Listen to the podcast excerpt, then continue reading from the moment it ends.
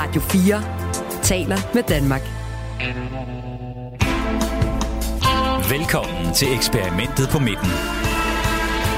Bytte, bytte, købmand. For to timer siden, der trådte nu daværende forsvarsminister Jakob Ellemann Jensen og daværende økonomiminister Troels Lund Poulsen frem og fortalte, at de bytter ministerium. Det betyder, at jeg øh, fremover vil være visestatsminister og økonomiminister.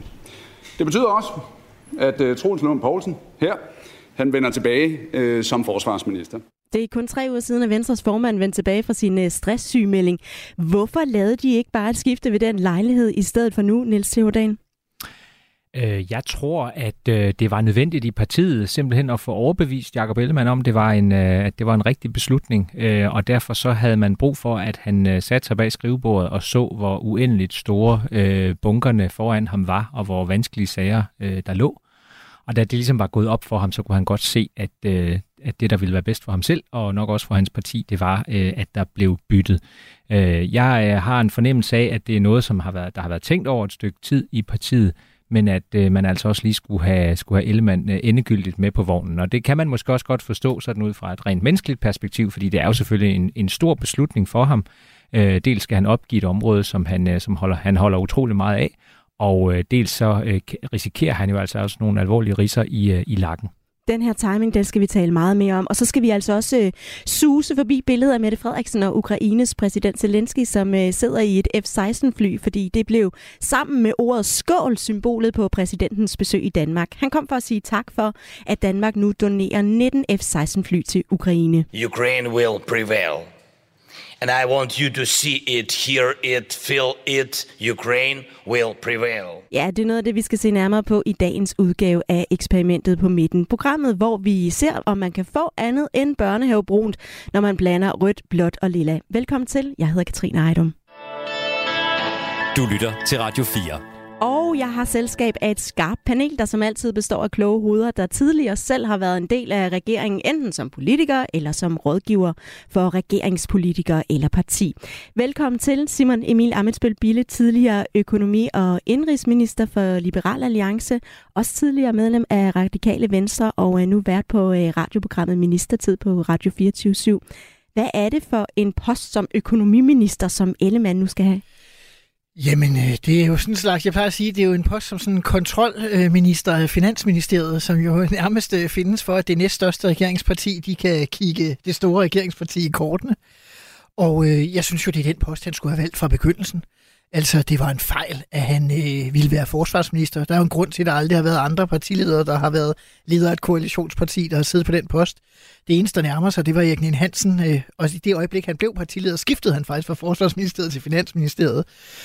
Øh, han kommer til at være i et mere tværgående ministerium, der naturligt kan blande sig i alt, og er en naturlig del af de ledende lag i regeringen, i stedet for at sidde og rode med et fagministerium. Det, det tror jeg er en klog beslutning, og jeg tror, det kommer til at gå øh, godt for Venstre. Det kan godt være, at, øh, at Niels og resten af kommentariatet, de er gået i, i, i lemmingedans allerede for morgenstunden og siger, det helt forfærdeligt. Jeg tror, det bliver godt. Øh, han viser jo i virkeligheden, at han har noget styrke, også selvom han måtte være blevet presset til det. Også velkommen til uh, Niels T. Dahl, politisk analytiker på Jyllandsposten og tidligere pressechef for både Venstre og Liberal Alliance, og rådgiver for Arno Samuelsen, da han var uh, udenrigsminister. Det her bytte, hvem er det bedst for? Øh, jamen, jeg tror da sådan set, at jeg vil sådan set give, give Simon Emil ret i, at jeg tror, det er godt for Ellemann, forstået på den måde, at han risikerede jo simpelthen at drukne fuldstændig over i Forsvarsministeriet. Jeg tror sådan set, det er en, en, uh, det er en fornuftig nok øh, evaluering af situationen, man har, man har lavet, og så har man sagt, øh, i den situation, man står i, der vil det, det, det mindste onde sådan set være at, at lave det her bytte. Når jeg alligevel siger, at det er noget, der kan give ham riser i lakken, så er det jo fordi, at han, øh, han gik så, så skarpt ind i Forsvarsministeriet. Han sagde jo, det var hans drømmeministerium. Han elskede det. Og han elsker forsvaret, og han elsker forsvarspolitik, og han ved rigtig meget om forsvarspolitik. Og hele den fortælling, der blev sat i de første øh, måneder af regeringens liv, var jo, at øh, med Jakob Ellemann i spidsen, så kunne man gøre Venstre til sådan et mere forsvars- og sikkerhedsagtigt parti, øh, og, og det vil være den helt rigtige platform til at styrke profilen fra. Og, og, og der ser det jo bare dårligt ud, at han så nu, altså otte måneder efter, simpelthen må gå ud, og han, det sagde han jo på pressemødet øh, nærmest lige ud, at det var en fejl, han havde taget forsvarsministeriet. Og oven i købet, at han så også må erkende, at opgaven med at rydde op i forsvarsministeriet er så stor, at han ikke kan løfte den. Den, der kan løfte den, det er Troels Lund Poulsen, Venstres jo øh, de facto leder gennem øh, det meste af det sidste år. Også velkommen til øh, Frank Jensen, tidligere socialdemokratisk minister, blandt andet justitsminister, og nu rådgiver i eget firma. Der var rigtig mange folketingspolitikere, der var forbi og hilse på, øh, på præsident Zelensky i går. Er det så sådan en dag i går, hvor man, hvor man savner lidt at være sådan aktiv i dansk politik? Nej, jeg synes, alle danskere har lejlighed til at, at være stolt over sit land i, i går. Det, det tror jeg, at vi alle sammen også, der sidder her i panelet, synes, der var anledning til i forhold til Zelenskis besøg, og ikke mindst jo også øh, regeringen øh, og det store brede flertal i Folketinget, hvis ikke alle partier nu bakker om, at Danmark skal donere 19 F-16-fly til, til Ukraine og bringer Danmark fuldstændig i front sammen med Holland i at, at give militær støtte til et, et land, der er blevet over, altså overfaldet af sin nabo, det store Rusland. Så, så jeg tror, at alle der, og jeg synes da også selv, at det var, ja, det var historisk, man, følte sig da stolt og måske også øh, en lille smule rørt over øh, Zelenskis øh, tale til det danske folk og til det danske folkestyre. Det går stærkt i de her dage i dansk politik, og derfor så er jeg altså også rigtig glad for at have jer alle tre med i dag. Lad os kaste os ud i det. Du lytter til eksperimentet på midten på Radio 4.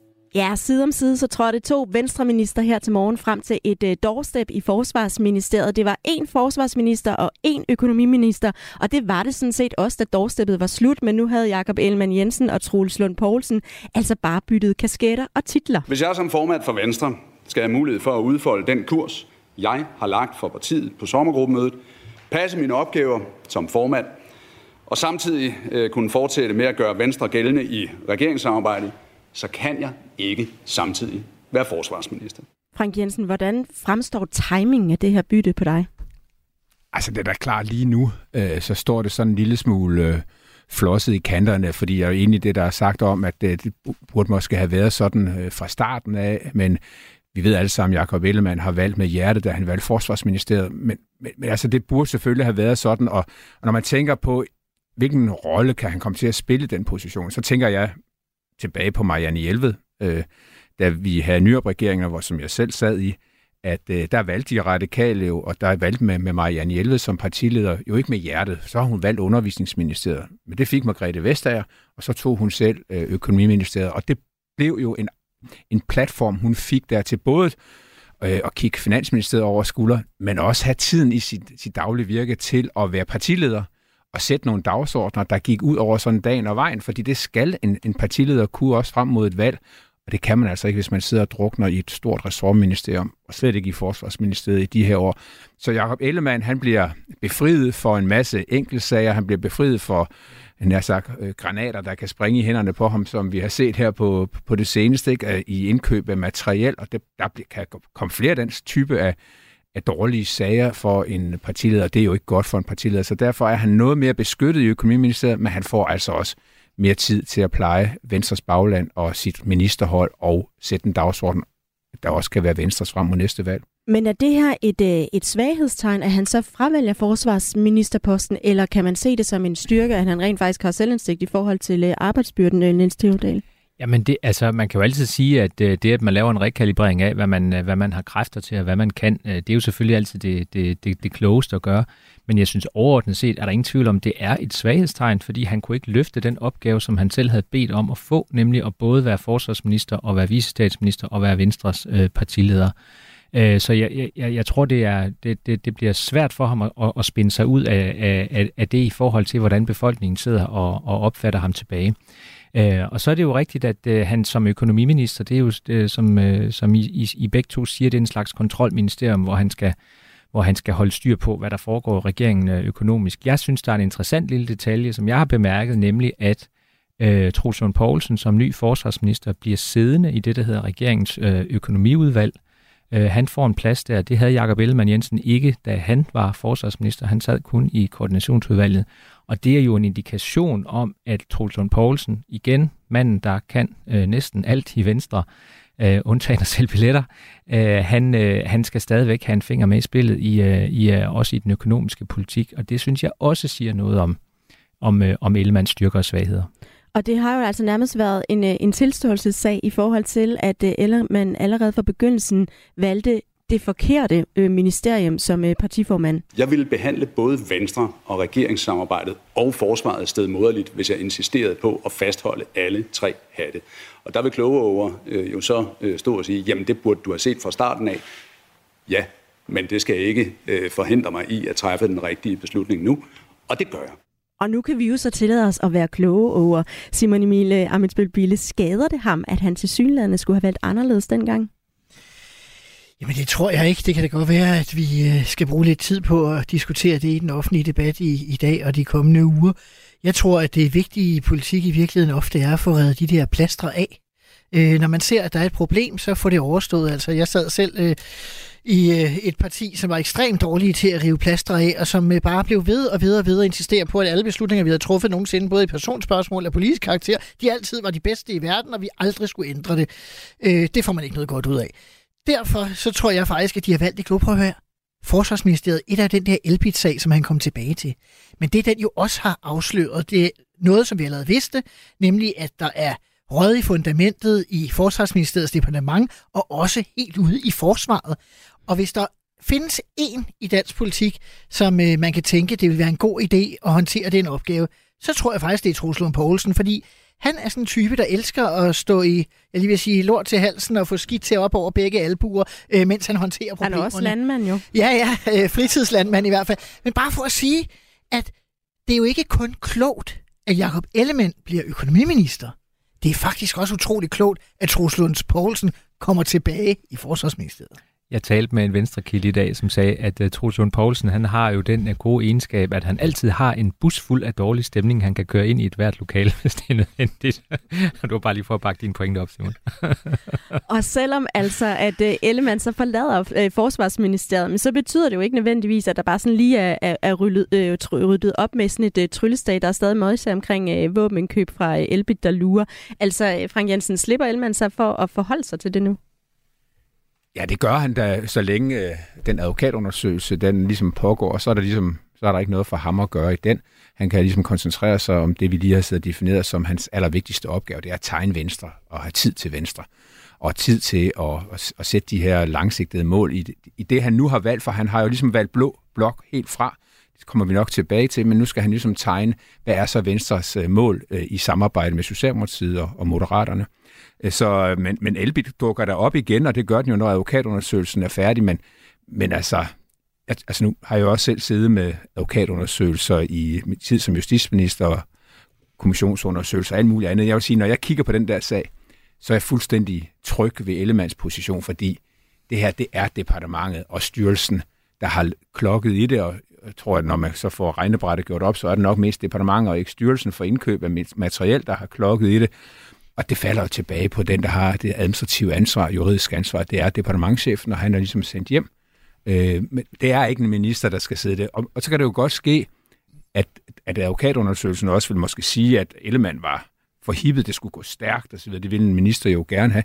Det fjerner ikke det. Altså må departementet jo sige fra over for minister. Man kan, altså, det er, det er departementchefens ansvar at sikre sig, at der er styr på, på, på juren og styr på processerne over mod Folketinget. Men Ellemann understreger jo selv, at han har et ansvar for, for Elbit-sagen. Hvordan kan man tage sådan et ansvar, når han ikke sidder i øh, ministeriet længere, Simon Emil Amsbøl Men han har, jeg synes, at han har øh, taget ansvaret. Altså med mindre der kommer et eller andet øh, meget saftigt frem om, at Jakob Ellemann øh, selv har haft en afgørende rolle i den her sag, og det er der jo nærmest ingen, der tror på, at øh, det vil komme, mm.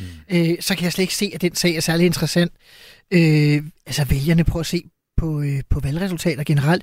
Vælgerne tilgiver stort set alt af den slags, med mindre at man virkelig har været øh, øh, langt ude. Og selv når man er det, så kan man bare øh, stifte et nyt parti og få 14 mandater ved valget, efter man er dømt ved en tredje rigsretssag i historien. Så lad os nu lade være med at sidde og lege, at det her det er særlig vigtigt. Det betyder ikke og en dyt for noget som helst. Det tror jeg simpelthen ikke på. Øh, Jakob Ellemann, han er nu økonomiminister. Truslund Poulsen, han kommer med, øh, med alle øh, landbrugsredskaberne og rydder op over i Forsvarsministeriet. Og så er det jo klart, jeg siger jo ikke her, og nu Venstre tilbage på 40-50 mandater, som i de gode gamle dage. Men Jakob Ellemann har jo, hvis man nu skulle sige det, han kom tilbage, han tog ansvar i Forsvarsministeriet, han kottede øh, Blå Blok, satte retning for sit parti, satte sig over i det ministerium, vi alle sammen vidste, han burde have siddet i fra starten. Men jeg må da sige, hvis der er en, der starter den nye sæson på et øh, rigtigt sted på spillepladen, så er det faktisk Jakob Ellemann.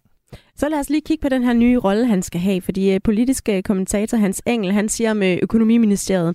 I økonomiministeriet, der kan man godt sidde og kigge lidt ud over kanalerne og på mågerne over på Christiansborg. Simon Emil Amitsbøl du har selv været økonomiminister. Er det sådan et skåne job? Mm, selvfølgelig er det det. øh, jeg vil sige det sådan, at da jeg blev økonomi- og indrigsminister, så sagde øh, en af mine forgængere, den daværende radikale leder Morten Østergaard til mig, hvis jeg havde vidst, I skulle i regering, så ville jeg have sagt til dig, at du ikke skulle have taget indrigsministeriet med, men kun økonomiministeriet. Fordi altså, sandheden er jo, at det, alle de tunge sager, sådan ud over sådan det overordnede, jeg brugte min tid på, de var jo stort set alle sammen fra Indrigsministeriet, så det havde været et rigtig klogt uh, råd at have fulgt. Og det er jo det, Ministerium Venstre har skabt, da SVM-regeringen blev lavet, nemlig et økonomiministerium, sådan en light-udgave af Marianne Hjelveds øh, fra 90'erne, hvor man ikke har banker og alle sådan besværlige ting med, men kun det overordnede og nogle rejser til USA og Bruxelles. Det er da et genialt ministerium i den forstand, han kan blande sig i alt. Mm. Han får naturlig viden om alt, hvad regeringsledelsen skal træffe beslutninger om. Det får han automatisk. Hvis der er noget, han er utilfreds med, så har han regnekraft, han kan sætte til øh, og regne efter og prøve at, og, at spille op imod. Og så har han tid til at være øh, partiformand. Så skal man bare huske det der med at være partiformand, som Marianne Hjelved, hun altid sagde dengang til os i De Radikale. Jo, jo, jeg skriver mails til partiet mellem midnat og to. Mm. altså, øh, det var ikke sådan, at hun bare sad og glodede over kanalen, fordi hun var økonomiminister. Men det, man ikke har, det er jo konkrete sager og bunker af samråd. Mm. Og det er jo en fordel. Du kan vælge de sager, du vil blande dig i, eller karte. Så hvis du ikke havde haft indenrigs øh, på det der øh, visitkort, så kunne du godt have siddet og set lidt på mågerne? Nej, så kunne jeg ikke se på mågerne, men jeg havde måske øh, haft bedre tid til at få et overblik over, hvad det var en katastrofe, for en katastrofe, Liberal Alliance var ved at sejle ud i. Og det havde måske øh, gavnet... Øh, det, der dengang hed Blå Blok, øh, det som øh, historisk interesserede øh, kender i detaljer. Og hvis vi så ser en lille smule ud over Ellemann bare et øjeblik, hvad betyder den her øh, øh, lille bitte rokade, eller det her bytte for, øh, for regeringen, øh, Niels? Jamen, den betyder ikke, ikke i udgangspunktet noget, men det, som man er bekymret for i de andre to regeringspartier, og som man sådan siger øh, næsten helt åbent, det er jo, at man er meget, meget bekymret for, hvordan Venstre klarer det her. Øh, man er bekymret for, om Ellemann øh, han holder, øh, han kan klare mosten øh, hele vejen igennem. Øh, det håber man, han gør, men, øh, men man er simpelthen også øh, meget usikker på det. Man ved godt, at på den trebenede taburet, som SVM-regeringen er, der er Venstre det, det svageste ben lige, øh, lige i øjeblikket. Øh, så jeg tror simpelthen, at bare man sidder og, og krydser fingre for, at den her rokade bliver, bliver god for ham og bliver, og bliver god for, for regeringen. Øh, øh, og, og så vil jeg så sige i forhold til, til det der med økonomiministerposten, at jeg, jeg er meget enig i, at det er jo en post, som man kan bruge til, til de der ting. Og det håber de også på i Venstre, at de kan. Altså at, at de simpelthen nu får frigjort noget tid til, at, at Ellemann øh, kan, kan fylde noget mere som venstreformand. Øh, og så det der med, at han kan gå ind og ud af de sager, han, øh, han vil i økonomiministeriet. Øh, og, øh, det, det kræver jo selvfølgelig bare to ting. Det kræver for det første, at han er meget, meget skarp på, på, på de der øh, brede, tværgående økonomiske ting. Det har aldrig været hans, hans yndlingsemne, øh, lad os sige det på den måde, øh, men derfor kan det selvfølgelig godt være, at, at han kan det. Og så er der en, en, en anden udfordring, som de skal være skarpe på i Venstre, hvis de skal løfte den, og det er øh, synlighed som økonomiminister, at øh, den kan godt være, være svær. Vi kan jo prøve at tænke på, hvor meget har, så vi egentlig Stefanie Lose i de her seks måneder. Hun var økonomiminister. Hun har fyldt meget øh, internt i Venstre. Jeg tror, Venstres bagland har været rigtig glade. Men jeg ved ikke, om man, øh, nu har jeg ikke lige lavet optælling, men hvis man sådan ser på, hvor meget hun har fyldt i offentligheden, øh, så har det ikke været en, hvad skal man sige, en helt naturlig platform for hende. Faktisk vil jeg i dette indlæg alligevel støtte, øh, Niels. Øh, det er jeg glad for. Fordi i virkeligheden er det farlige jo, at det, de melder ud nu, det er, at Jacob Ellemann, han nu vil spise kirsebær med de store. Mm. Altså Mette Frederiksen og Lars Lykke. Hidtil, der har han jo kunne hygge sig nede i Forsvarsministeriet, hvis man nu endelig skulle sige det på den måde, og ikke blande sig i de store sager. Men det kræver også, at man så kan, mm. når man skal derop. Mm. Og det her øh, ministerbytte, det kommer altså også efter, at øh, Ellemann har forsøgt at genstarte Venstre ved at melde ud, at Venstre ikke skal hjem til Blå Blok. Vi skal ikke hjem! Vi skal videre! Ja, det er jo altså Egon Olsen, og det var hans ord, som øh, Jakob Ellemann Jensen lånte, da han fortalte om Venstres nye vej væk fra blokpolitikken med, med Blå Blok. Øhm, Frank Jensen, hvis du sad i regeringen for Socialdemokratiet, og Venstre var kommet med sådan en udmelding, hvor meget havde du gnedet dig i hænderne så? Ja, det er klart, at øh, Socialdemokratiet har, har svært ved at skjule os øh, sin begejstring over for, for øh, hvor langsigtet man nu egentlig kan, kan planlægge øh, den socialdemokratiske politik for som regeringsbærende parti, fordi det er svært at se, at øh, der skal komme noget alternativ til Socialdemokratiet som, som det, det statsministerbærende parti med, med Mette Frederiksen i spidsen, og hun kan jo nærmest nu selv planlægge, hvordan hele forløbet skal være for hende. Det, øh, og der, det er klart, at når, hvorfor gør Ellemann det her? Altså, han, jeg synes jo, han har en ret vigtig pointe i, at at det er jo ikke sådan særligt tillokkende for Venstre at kigge over i Blå Blok i øjeblikket. Altså, han har jo ret i, at der er brugt rigtig meget tid på at spinde mod hinanden og, og lave snubletråde for hinanden i Blå Blok, også op mod sidste valg. Og når man så ser på, hvem, hvilke partier egentlig profiteret af den her midterpartiregering, som guderne skal vide godt kunne stå bedre i meningsmålene, det kunne mit eget parti også, men så er det jo ikke Blå Blok. Altså, øh, det er jo Rød Blok, der, har, der, har, der tager mandaterne i øjeblikket fra dem, der for, altså ligesom forlader det er i høj grad SF, der lukrerer på Socialdemokratiets valg af at lave den her midterregering, og så er det over i Blå Blok, der er det Liberale Alliance. Øh, men ellers er de andre, de jo, og så lidt måske øh, Danmarksdemokraterne, men ellers så er det jo, så er det jo Rød Blok, der er gået frem, og derfor, altså, så skal, så skal Venstre jo også kigge frem mod, hvor, hvis man skal have indflydelse for sine mandater også på den anden side næste valg, så er det jo øh, nok igennem en midterregering igen. Og omvendt, øh, Simon Emil Amitsbøl Bille, hvis du havde siddet som folketingsmedlem for, øh, for Liberal Alliance og fået den her melding fra øh, Venstre om Blå Blok, hvordan havde du så reageret? Oh, det gør jeg så heldigvis ikke. Men... Jeg tager det helt roligt. øh, Nils har også været præsident i Liberal Alliance, så han øh, kender mit... Øh, var, det, var det hans ansvar? Mit, mit, mit, ja, det er hans skyld det hele. Nej, hvad øh, kender øh, mit, øh, mit afdæmpede gemyt. Nej. Men øh, altså, jeg tænker er det ikke mere interessant, at jeg forholder mig til, hvordan jeg tror, de gør det nu? Fordi jeg tænker, at Liberale Alliance på mange måder er et andet parti, så de vil nok ikke reagere, som vi gjorde dengang. Øh, jeg tror, at Liberale Alliance tager det ret stille og roligt. Forstået på den måde, at øh, Liberale Alliance er jo måske det, øh, sammen med Danmarksdemokraterne, af partierne i det tilbageværende blå blok, øh, som har indrettet sig mest efter tidsånden. Altså, øh, der er jo en grund til, at øh, Dansk Folkeparti og de konservative ligger og roder og ikke kan noget. Og det er jo fordi Liberal Alliance har påtaget sig sådan en mere øh, konservativ øh, værditilgang øh, til tingene. Der er en konservativ tidsånd, der, og derfor samler de ligesom op i blå blok. Så jeg tror sådan set, at Liberale Alliance de tænker langsigtet og tænker, når man jo mere venstre de er derovre, som er vores eneste egentlige konkurrenter, jo bedre kan vi måske, hvis vi er heldige og dygtige og alt muligt andet, og alt falder på de rigtige måder, så kan vi faktisk komme i en situation, hvor vi langsomt men sikkert kan bygge op øh, og blive et stort øh, parti, når Blå Blok en dag igen opstår. Lidt ligesom de konservative blev i slutningen af 70'erne, starten af 80'erne, mens Venstre lejede SV-regering øh, med Anker Jørgensen og ikke rigtig vidste, hvad de ville. Så pludselig så havde de konservative fået tid til at bygge sig op. Det er det, jeg tror, Liberale Alliance håber, det er der også andre i Blå Blok, der håber, det lykkes bare lidt bedre for LA i øjeblikket. Der har altså været meget kritik af, at øh, Venstre til at starte med overhovedet gik i regering med Socialdemokratiet og Moderaterne, og Ellemann er også virkelig blevet beskyldt for, at han ikke har kunne forklare, hvorfor Venstre overhovedet gik med i den her SVM-regering. Øh, Niels T. Dahl, har han så fået forklaret det nu?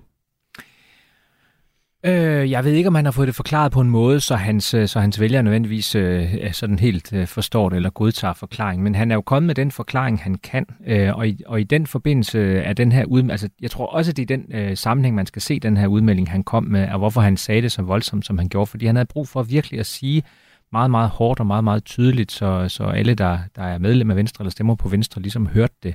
Og sige, jeg havde ikke andre øh, steder at gå hen.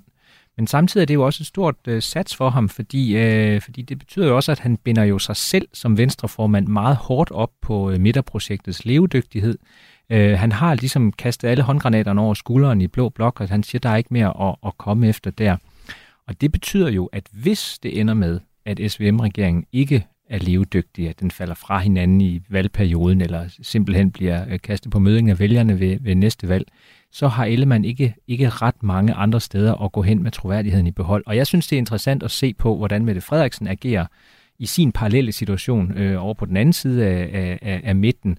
Øh, hun er jo, vil jo også gerne være i, i midterregeringen, det siger sig selv, men, men hun taler jo ikke grimt om sine gamle samarbejdspartnere i Rød Blok. Så det er ligesom om, hun forsøger at holde en lille nødudgang åben.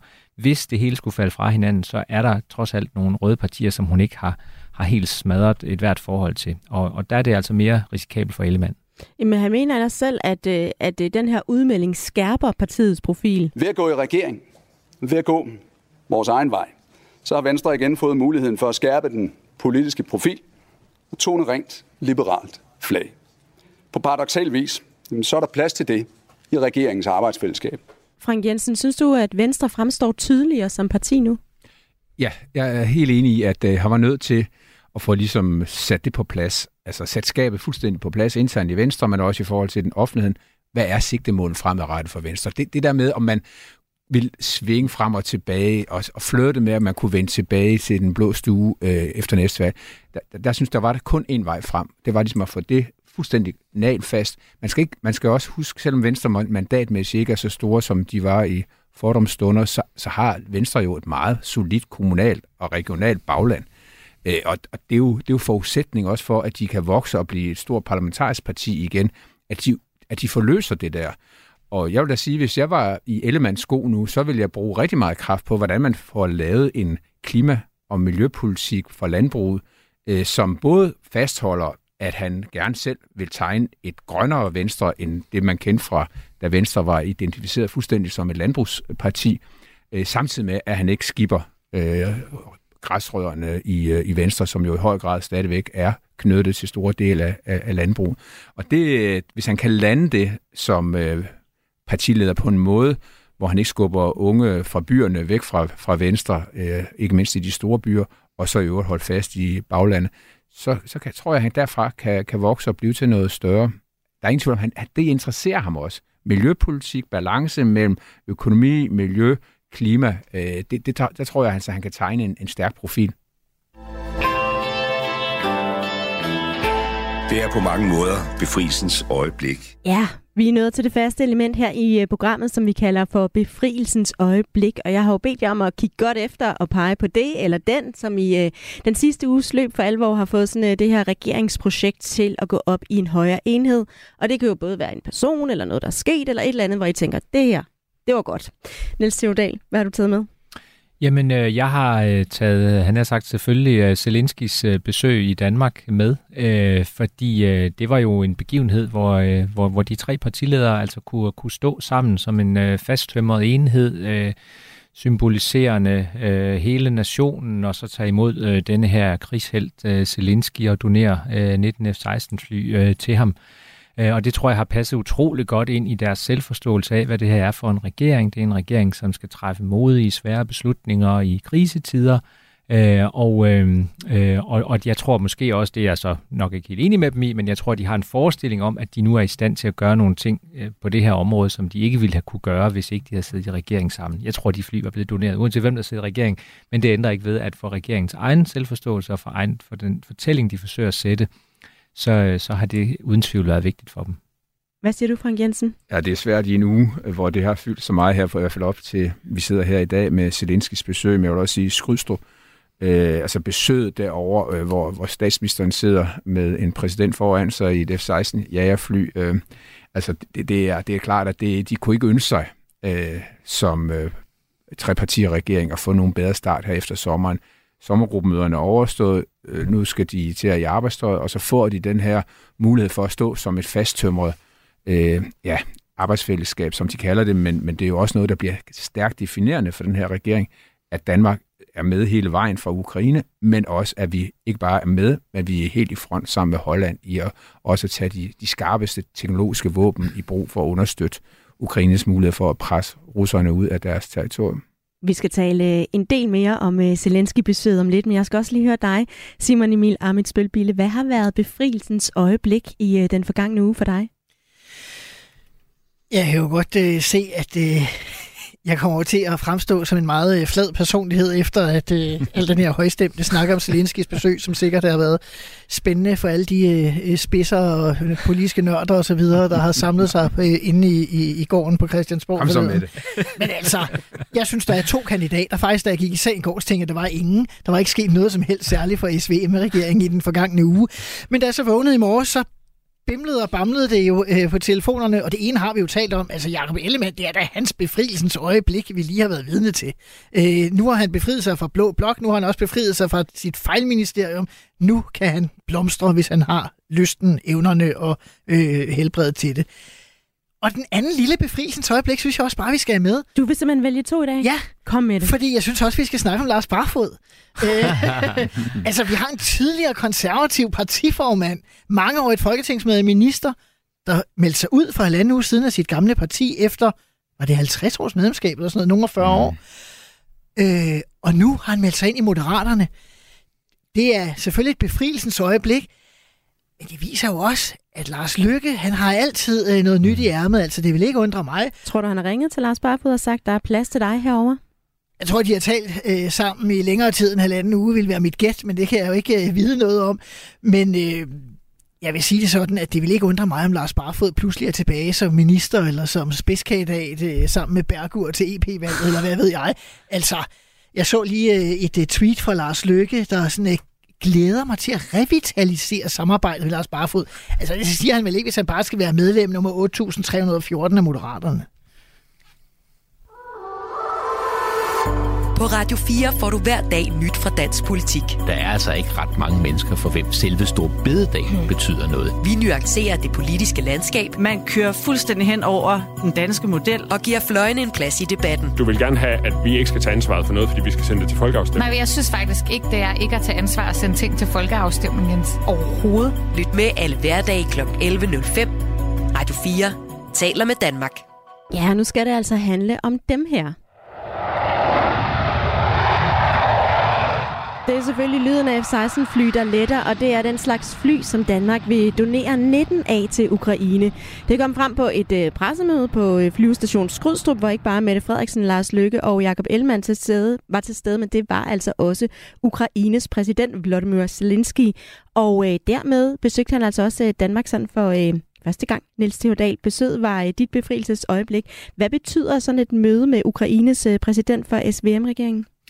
Jamen det betyder jo først og fremmest øh, altså nogle helt geniale photo opportunities, og jeg synes bare, man må sige rent pressemæssigt, så er alt ved det der besøg bare eksekveret øh, fuldstændig øh, perfekt, og jeg håber, der ligger en stor bonus til den medarbejder i statsministeriet, der har fundet på, at de skulle kravle op i det der F-16-fly. Det er lige før, man kan høre soundtracket til Top Gun, øh, Jamen, mens præcis, de sidder ikke? der, Altså, og de sad og smilede og var glade, og, øh, øh, og, og, og alt, var, alt var, som det skulle være. Og så tror jeg, det har en, øh, jeg, jeg tror, det har en, som jeg nævnte før, jeg tror, det har en positiv betydning betydning på, på regeringens forståelse af sig selv indad til, forståelse af sig selv som en, øh, som en succes.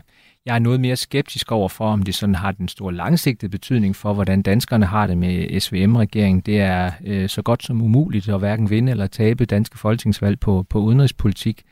Øh, og øh, det er, også, det er jo også en beslutning, den her, som der er fuldstændig enighed om i, øh, i Folketinget og i befolkningen. Så det er også på en eller anden måde, det er jo svært at lave lave politisk debat eller politisk øh, kant ud af det. Men regeringen har fået det ud af det, at de, de viser i hvert fald befolkningen, at de er i stand til at gennemføre sådan et, øh, sådan et besøg her, og de er i stand til at repræsentere Danmark på en øh, god måde udadtil.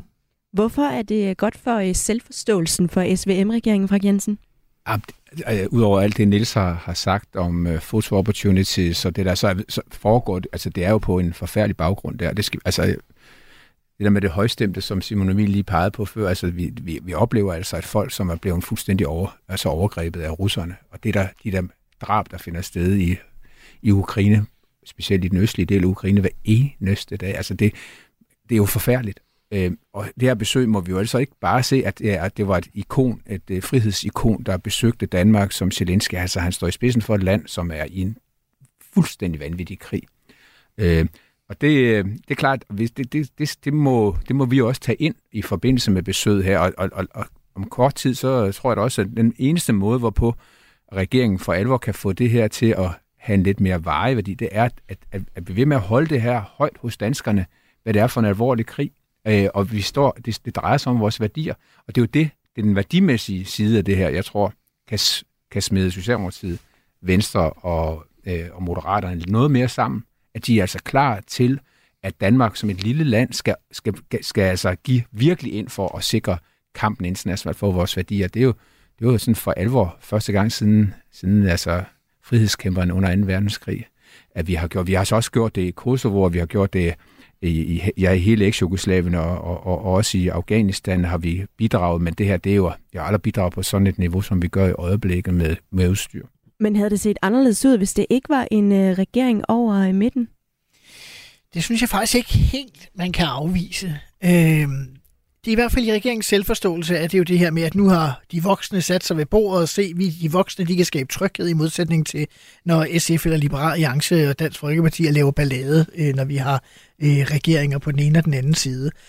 Og man kan sige, at de mere historisk bevidste vil måske også tænke på, at øh, jo jo, men altså i 80'erne lavede de radikale fodnoter i forhold til NATO-politikken, altså op gennem nullerne var SF og Enhedslisten øh, der ikke de mest øh, forsvarsvenlige osv. Altså, der er jo også noget for sig om, at nu kommer der nogen, der tager ansvar, og, og så kan det lade sig gøre. Jeg er sgu ikke sikker på, at en, en ren socialdemokratisk regering har så nemt ved at, at lave de der 19 øh, fly øh, doneret uden mm. ballade. Det er godt, at de havde gjort det, mm. men der havde været masser af politisk ballade. Nu er der, er, der, er der stor enighed om det. Og så tror jeg ikke, man skal undervurdere, at det der med at have fælles gode oplevelser. Det er lidt strengt at sige for Zelensky selvfølgelig, fordi fra hans perspektiv, så er det jo noget med at sikre, at landene stadig bakker op og få nogle våben og så videre, og det lykkedes for ham. Men set for det interne liv i den her, i midterprojektet her, der, øh, der får man nogle fælles gode oplevelser, noget man kan referere til, noget man ligesom øh, kan huske, og det binder båndene sammen på en anden måde. Det kan være alt fra pressemøder, statsbesøg, whatever. Altså noget, det har en positiv effekt, hvis det ellers løber nogenlunde fornuftigt af staten. Og der var altså øh, klapsalver i fællessalen i går, og det var altså også tydeligt at mærke, at den ukrainske præsident havde øh, hele Folketingets opbakning, i hvert fald dem, der var til stede, og sådan lød det altså også øh, på øh, Mette Frederiksen. I am very thankful for the full and strong support from the entire Danish parliament.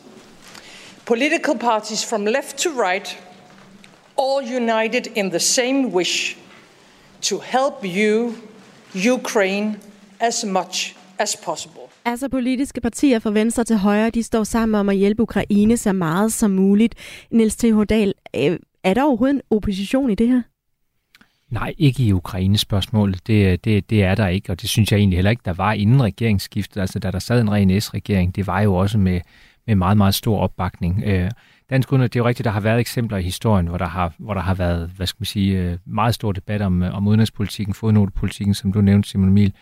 Øhm, men øh, de siden, øh, siden 90'erne har langt det meste dansk udenrigspolitik jo foregået ind, ind over midten, og det gør det her så øh, også. Øh, og, øh, og det er klart, det tømmer selvfølgelig også Folketinget nær, øh, sammen, at det er en så øh, alvorlig akut situation, øh, Ukraine står i. Må jeg, men, må, jeg, må, jeg, må, jeg, må, jeg, må jeg bare lige sige, Ja nej. Altså Irak-krigen mm. øh, under få. Mm. Øh, bare lige for at sige, der skal altså ikke meget øh, til, for der kan komme splittelse selv, gennem de store, øh, selv mellem de store gamle mm. midterpartier. Jeg synes ikke, man skal undervurdere sammensvejsning. Selvfølgelig Men... på den korte bane Ukraine. Det, der er vigtigt, det er, at det her jo sikrer den langvarige opbakning, tror jeg. Mm. Ja, altså jeg, jeg, jeg, vil bare, jeg vil bare tilføje, jeg synes ikke, den, den, synes ikke, den, øh, den opbakning ind over midten, den manglede, da der var, øh, da der var en S-regering. Øh, så ja, nu det, det bliver jo meget øh, hypotetisk eller kontrafaktisk det her. Ikke? Hvad, hvordan ville det have set ud, hvis ikke der var en, øh, en, en midterregering? Klar. Øh, jeg, jeg tvivler på, at det her det ville være et område, hvor, der, øh, hvor de største slagsmål var. Og hvis vi så øh, zoomer ud fra gårdsdagens møde øh, mellem øh, Folketinget og den ukrainske præsident, så er det jo altså også en regering, der har haft sit at, øh, at se til. Det har været nogle, øh, ut, eller nogle lidt tvetydige udmeldinger, blandt andet om øh, koranafbrændinger, og så har der altså også været Venstres øh, farvel til, øh, til Blå Blok. Fungerer sådan et møde som sådan en slags øh, politisk øh, pusterum for regeringen, og, og også for eksempel for Venstre, for de her sager, der presser den, Niels Steverdal? Jamen altså, det er, jo, det er jo et helt døgn kun med positiv presdækning af, af regeringen, og det er, det er jo øh, fantastisk, fordi altså, man skal bare huske på, at det at sidde i regering, det er øh, simpelthen øh, at stå op hver eneste morgen til en, undskyld udtrykket, en stor bunke lort ind på skrivebordet. Altså, fordi der er jo simpelthen så mange dårlige sager, man kan blive øh, revet i næsen, og øh, hvis ikke der er de dårlige sager, der er blevet opdaget, så er der de dårlige sager, der ikke er blevet opdaget. Det er mega, mega hårdt at sidde i regering. Så timing har været god med det her besøg? Ja, altså i hvert fald, som du siger, et, øh, et pusterum, der har været, øh, øh, som, som, som man helt sikkert øh, har været glad for. Og øh, SVM-regeringen er jo også i gang med den her øh, genstart, eller i hvert fald den her fortælling om, nu er vi ikke et arbejdsfællesskab, vi er et værdifællesskab. Der er en bustur øh, på vej i, til efteråret, og man har også forsøgt at gøre op med en kriseretorik, som ellers regeringen er bygget på. Er, det her et, et godt, hvad skal man sige, besøg i fortællingen om en genstart, Simon Emil Amitsbøl Jeg synes, det er svært at, at tale det hen til noget andet end noget godt, for nu at sige det sådan. Altså, det gør jo også, at øh, her sådan, øh, alle partierne prøver jo altid i august ligesom at få rejst nogle dagsordner og sætte sig lidt på det.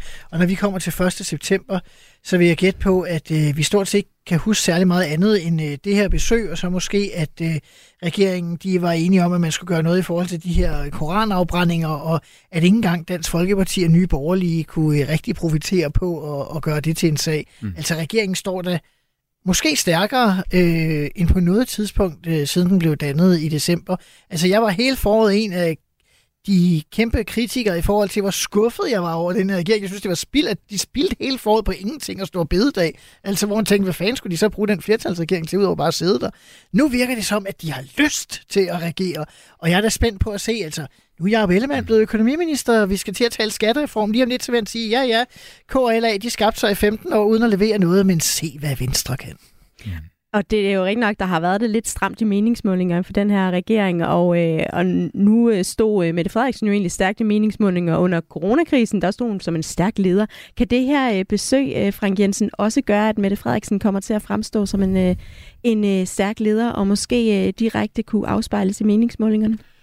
Altså, ja, altså det, på den korte bane, så har det her den effekt af positivitet, som vi har omtalt. Jeg, jeg er til gengæld også... Øh, Altså jeg er jo meget bevidst om også på baggrund af egne erfaringer fra, hvad international og udenrigspolitikken egentlig kan sætte igennem, når det kommer til mandatfordelings og flytning af mandater. Altså, hvis vi tænker tilbage til, øh, til 2001, hvor, hvor Nyrup øh, jo efter 9-11, altså angrebene på USA, på de tvillingetårne i New York og så videre, altså der gjorde Paul Nyrup jo det, øh, mens jeg sad som justitsminister og var tæt på ham i den periode der, at han ligesom tog den sag og løftede den op og gjorde til den sag, som ligesom også skulle styrke Socialdemokratiet øh, til det valg, han så valgte at rykke frem til sammen med kommunalvalget i, øh, i efteråret 2001. Og, og det virkede jo ikke, fordi vælgerne de stemmer jo altså ud fra det, der ligesom er deres dag, dagligdags dagsorden. Ikke? Og det, det kan være dengang efterløn, det kan være offentlig sektor, det kan være uden, udlændingepolitikkens betydning osv. for dem.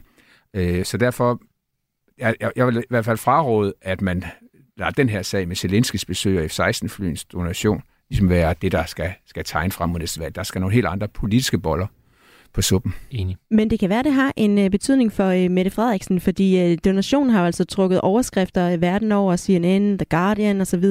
Og under Zelenskis tale i Folketingssalen, så roste han også direkte Mette Frederiksens indsats. Thank you so much. You are not, you are not only big country, You're a big country with a very brave prime minister. Ja, i et stort land med en meget modig statsminister, sagde altså Ukraines præsident øh, Zelensky.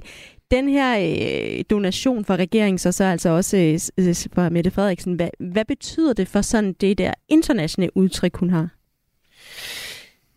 Jeg ved faktisk ikke, hvor meget det betyder. Altså, det minder mig lidt om, altså det kom bare til at sidde og tænke på, da jeg hørte det klippet, at vi alle sammen øh, var så stolte af, at øh, vi engang havde fået at vide, at øh, det der med, at øh, vi var above the, weight, uh, the weight, eller hvad det var, ja, ja, øh, i USA. We, we punch above ja, our weight. Ja, ja.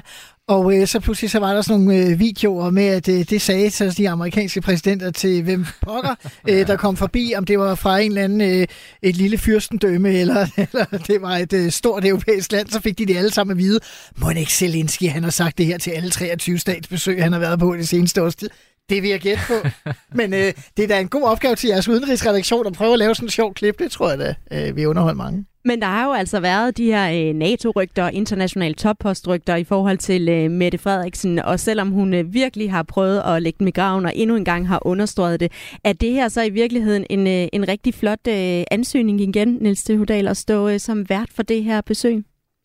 Øh, jeg vil sige det sådan, jeg synes egentlig bare, det er en, øh, en forlængelse af den øh, linje, som Mette Frederiksen har lagt lige siden invasionen af Ukraine. Altså hun har jo øh, både i politik og øh, i retorik øh, været sådan i hvert fald den, den øverste, skarpeste halvdel af, af, af NATO-landene.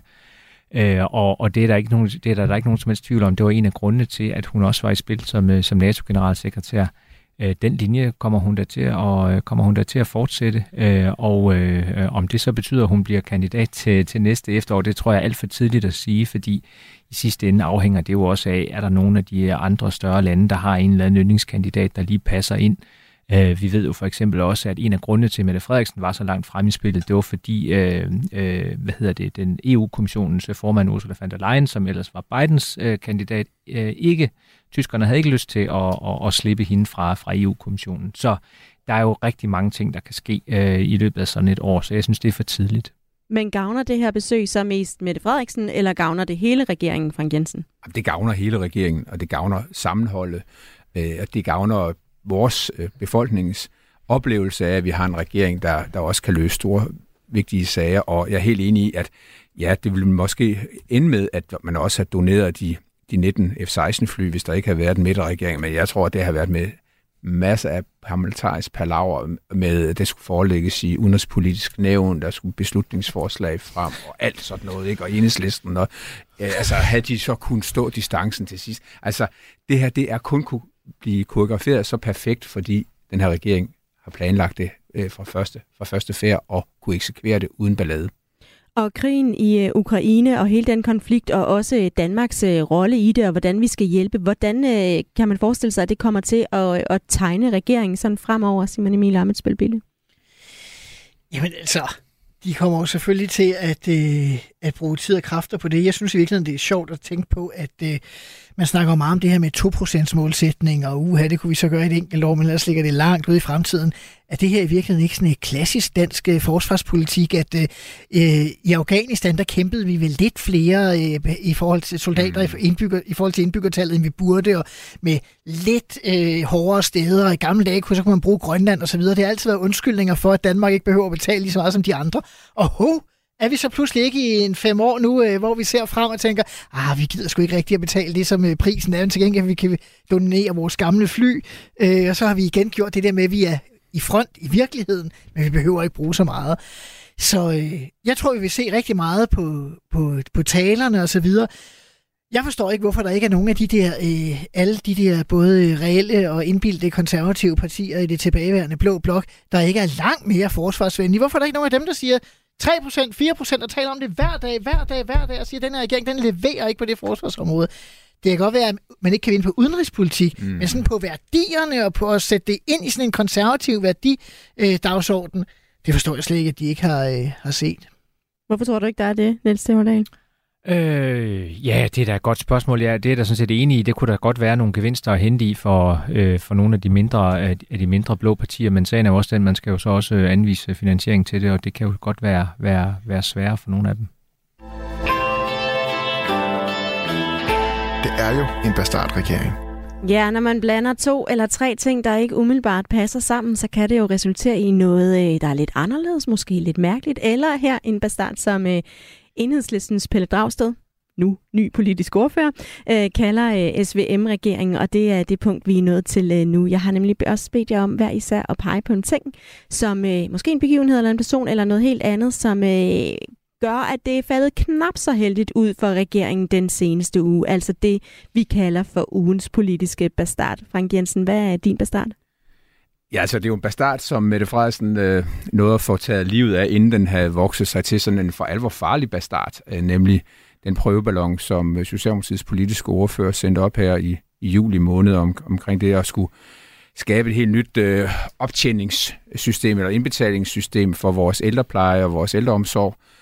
Og øh, det, det kom så ikke så meget til at dreje sig sådan om øh, udfordringen, men det kom meget til at dreje sig om, hvad det var for en model. Og det tror jeg sådan set, det viser lidt om, at at timing er helt afgørende for, at politik ikke kører af sporet. Det, det, det blev den her. Den kørte af sporet for... Jeg tror, han sådan set ville gerne ville have lavet, sat en dagsorden, der skulle føre frem til trepartsforhandlingerne med, med arbejdsmarkedets parter, ligesom det man dengang man lavede arbejdsmarkedspensioner med fælleserklæringen i 1987, noget stort og noget vigtigt sammen med fagbevægelsen, men, men det her var, det var ikke ordentligt forberedt, og det blev en bastard, og den tog Mette Frederiksen så livet af på sommergruppemødet. Ja, det var lidt en prøveballon, og så blev den ellers bare øh, plaffet ned. Hvorfor havde man ikke øh, gjort det bedre, når nu man kom om sådan Jamen, det viser, det viser det der med, at nogle gange, så, jamen, så kan man godt bruge sådan en sommerperiode til ligesom at få primet noget. Men så skal man jo forberede det sådan, at man, man ikke starter med at tale om løsningen. Øh, og det gjorde jo så, at det her blev plaffet ned ret hurtigt. Og det er jo også første gang, vi har set, siden Mette Frederiksen blev øh, socialdemokratisk formand og partiejer, at der har været sådan intern diskussioner og et ballade med gruppemedlemmer, der skrev offentligt i pressen og lagde afstand til hinanden og talte om, hvem der kunne sidde i gruppeledelsens bestyrelser og sådan noget. Altså, det var ikke godt. Blev du helt nostalgisk? Nej, det er jo lige netop det, der har været så befriende, at det har vi været fri for i mange år med det der ballade. Simon Emil Amitsbølbille, hvad er din ugens men Jeg synes jo, det har været svært, fordi det er jo bare gået så utrolig godt for den her regering den seneste uge. Men jeg synes faktisk, der er en, som man måske ikke øh, tænker sådan, uh, og det er Jon Steffensen. Ikke? Altså, øh, det er jo ikke så mange dage siden, at han forlod Moderaterne og bliver, kommer tilbage som uh, løsgænger i den nye sæson.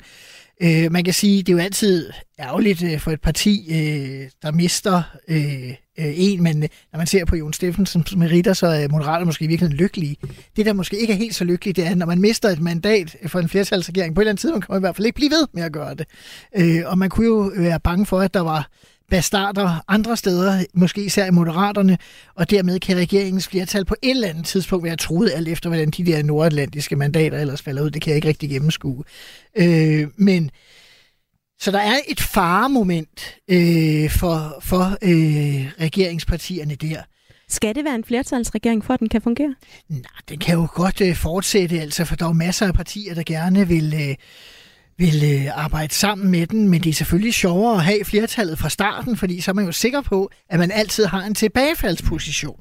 Øh, når, man ikke er, øh, når man er en flertalsregering, så kan man altid overveje, om det er strategisk klogt at lytte til de andre partier, og dermed lade vejen blive anderledes, som vi for eksempel så det på den øh, store universitetsaftale, der blev lavet før øh, sommerferien. Men er man en mindretalsregering, så skal man jo have nogen med, og pludselig bliver de partiers mandater øh, mere værd.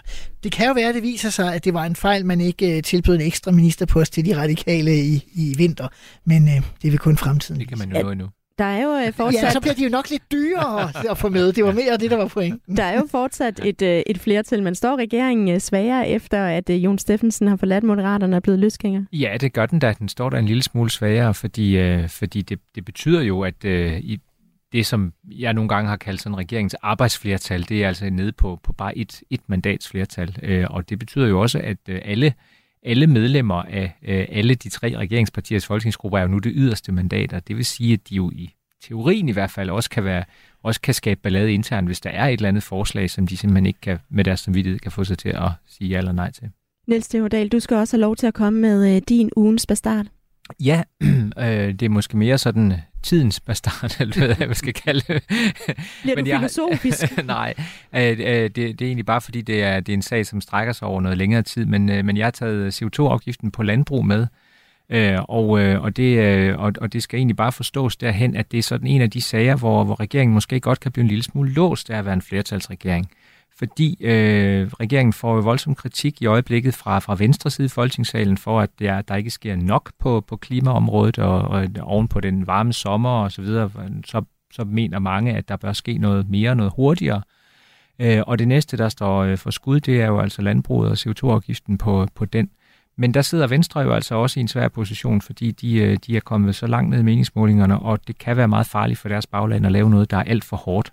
Så det, der lidt er problemet for regeringen her, det er, at hvis de laver noget, der er for blødt ved landbruget, så øh, bliver de angrebet fra venstre side, og hvis de laver noget, der er for hårdt, så bliver de øh, angrebet fra, fra højre.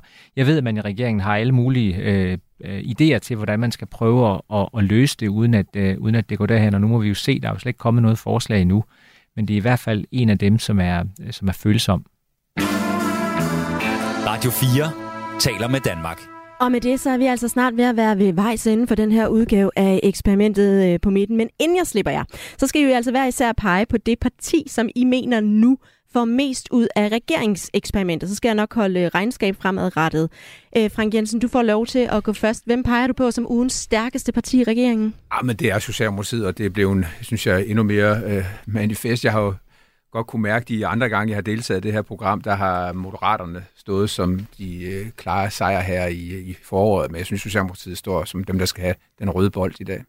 Niels Theodal, øh, hvem øh, har du valgt at pege på som øh, dem, der får mest ud af det? Jeg har egentlig skrevet Moderaterne, fordi jeg synes, Moderaterne vinder jo hver dag, hvor den her regering er der. Det er så jo, når det du siger egentlig, regering. er det så dit svar? Eller? Nej, det er så, fordi jeg er faktisk også blevet lidt overbevist af de gode argumenter, som er kommet blandt andet fra dig, Frank. Fordi jeg synes, at øh, jeg, jeg synes ikke, der er nogen tvivl om, at Socialdemokratiet står meget, meget stærkt øh, øh, i den her regering, og, øh, og Mette Frederiksen øh, øh, ja, er... Øh, hun, hun, er, hun er måske den, der har de, de, de fleste strategiske valgmuligheder, øh, sådan på lidt længere sigt. Så øh, en til Socialdemokratiet, en mere til Socialdemokratiet. Simon Emil Amitsbøl Bille, hvor øh, peger du hen? I hvert fald ikke på venstre. øh, men øh, ah, jeg synes, det er svært, for det er jo rigtigt, at, at altså, jeg er fuldstændig enig i analysen af, at Socialdemokratiet har de fleste strategiske valgmuligheder, men man kan sige, at på den her side af et folketingsvalg, der tror jeg, jeg vil holde fast i, i, i Nils øh, formulering om, at Moderaterne vinder hver dag. For det er det, den her regering handler om, det er, at Lars Lykke han har en fest hver eneste dag. Han har ikke brug for et befrielsens øjeblik, han har brug for, at der ikke sker nogen forandring. Så altså 2-1 øh, til Socialdemokratiet. Frank Jensen, Simon Emil Amitsbøl Bille og Niels T.H. Dahl, tak fordi I var med. Du kan som altid lytte til dette eller tidligere programmer som podcast. Jeg hedder Katrine Ejdum, og vi lyttes ved. Du har lyttet til en podcast fra Radio 4. Find flere episoder i vores app, eller der, hvor du lytter til podcast.